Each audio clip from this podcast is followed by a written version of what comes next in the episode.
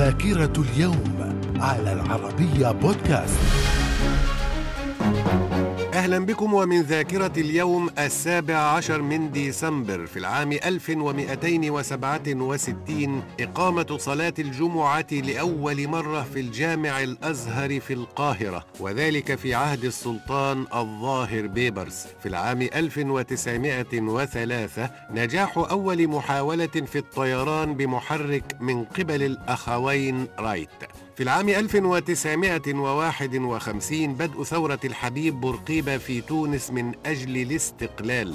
في العام 1983 عملية للجيش الجمهوري الأيرلندي داخل متجر هارولدز في لندن تؤدي إلى مقتل عشرة أشخاص. من الذاكرة. ومن ذاكرة السابع عشر من ديسمبر في العام 1992 إبعاد 415 من قادة حركة حماس وحركة الجهاد الإسلامي في فلسطين إلى مرج الزهور في جنوب لبنان. وفي العام 2003 الرئيس الفرنسي جاك شيراك يعلن في خطاب عن قبوله لتقرير رسمي يوصي بعدم السماح للأطفال بحمل رموز دينية مثل الصلبان والحجاب الإسلامي والقلنسوات اليهودية. في العام 2008 بنك الاحتياطي الفيدرالي الأمريكي يخفض أسعار الفائدة من واحد في المئة إلى مستوى يتراوح من صفر إلى ربع بالمئة وذلك بهدف مواجهة حالة الكساد التي تمر بها الولايات المتحدة. من الذاكرة. ومن ذاكرة اليوم السابع عشر من ديسمبر في العام 2010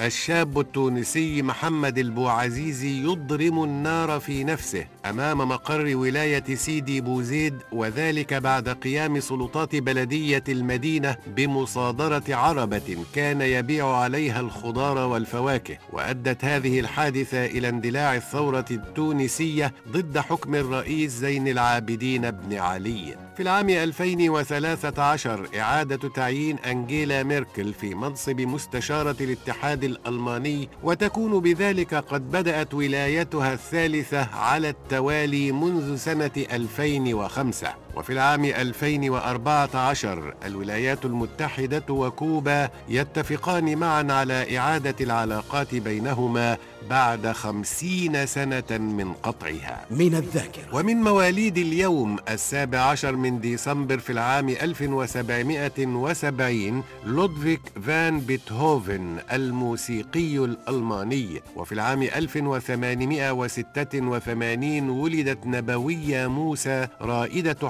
حركة تعليم الفتيات في مصر. ومن وفيات اليوم السابع عشر من ديسمبر في العام 1273 جلال الدين الرومي الأديب والفقيه والمنظر والقانوني الصوفي. في العام 1830 توفي سيمون بوليفار قائد ثوري وسياسي فنزويلي تدين له عدد من جمهوريات أمريكا الجنوبية باستقلالها عن الحكم الإسباني. من الذاكرة. إلى اللقاء.